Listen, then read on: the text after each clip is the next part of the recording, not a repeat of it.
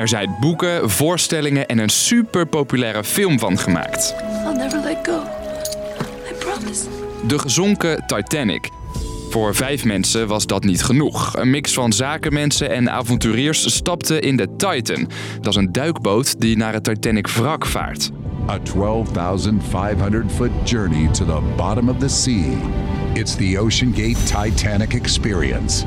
Maar er is geen contact meer met de onderzeeër en sindsdien wordt er met man en macht gezocht. It is a race against time. You're fighting uh, oxygen levels. Ik ben Dennis en in deze aflevering duiken we in de zoektocht naar de vermiste onderzeeër. Lang verhaal kort. Een podcast van NOS op 3 en 3FM. What will your dive team discover? Join the crew of the Titanic Survey Expedition. De Titan, een kleine witte duikboot die er een beetje uitziet als een hele grote zetpil. Het ding is bijna 7 meter lang en aan boord is er plek voor 5 mensen. Maar echt ruimte om lang uit te zitten heb je niet. Het lijkt alsof je in een bunker zit en naar buiten kijken kan door één klein raam. Verwacht trouwens geen high-tech. We run the sub with this game controller. Volgens maker Stockton Rush bestuur je het ding met een soort PlayStation controller. If you want to go forward, you press forward. De duikboot kan tot 4 kilometer diep. Dat is precies genoeg voor een tochtje naar de Titanic. Die ligt op de bodem van de oceaan, honderden kilometers van de Canadese kust. Just we are in front of the anchor. Oh my gosh, here's the map, guys. Het is niet het eerste tripje van de boot. Sinds 2021 organiseert het bedrijf Ocean Gate Expeditions dit soort reisjes voor toeristen en wetenschappers. Deze Amerikaanse journalist was er vorig jaar bij. It's 10 to 12 hours. It's two and a half hours down, a few hours at the Titanic, and then a couple hours back up. Kosten 250.000 dollar. En niet zonder risico. Voordat je aan boord mag, moest je allerlei papieren ondertekenen. that has not been approved or certified by any regulatory body and could result in physical injury, disability, emotional trauma, or death. Where do I sign? De Titan is nooit officieel gekeurd op alle veiligheidseisen en daar is al jaren kritiek op. There are only 10 vehicles in the whole world that can go 4,000 meters or deeper. All of them are certified except the Titan. Wat een bijzondere tocht naar het Titanic-wrak moest worden, The once in a lifetime opportunity. verandert in een nachtmerrie. Nog geen twee uur na het begin van de tocht valt het contact met de Titan weg. De crew op het moederschip slaat alarm en start een zoektocht samen met twee schepen in de buurt. Veiligheidssystemen van de Titan zouden ervoor moeten zorgen dat het ding vanzelf naar boven drijft. Maar op het water is geen duikboot te bekennen. Dus komt de Canadese kustwacht in actie met sonarapparatuur.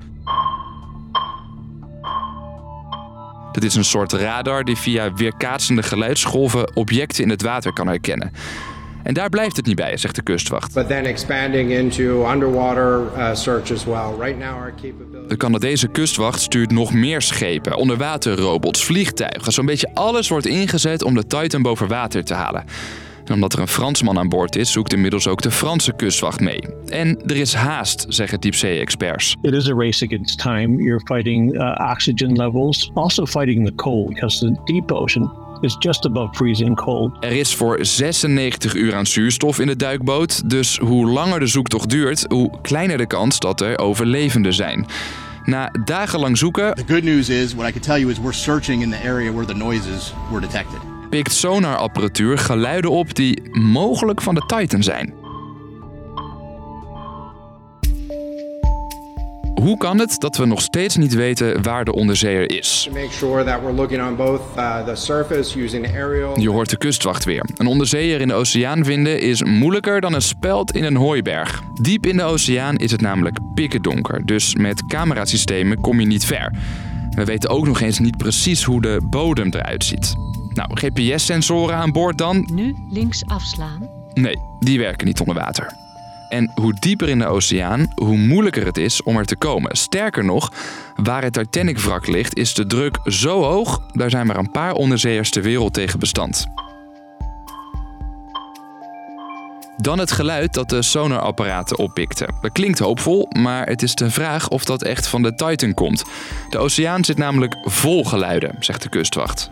We, don't know what they are, uh, to be frank with you. Bekijk het zo. Het duurde bijna 75 jaar om het wrak van de Titanic te vinden. De Titan is veel kleiner dan dat enorme schip. En ook al zijn de zoektechnieken intussen verbeterd, het blijft een minischip op een enorme zeebodem.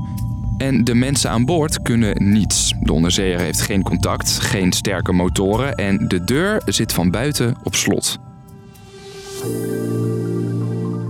Dus, lang verhaal kort. Een mini-onderzeeër die met vijf mensen naar het wrak van de Titanic onderweg was, is vermist.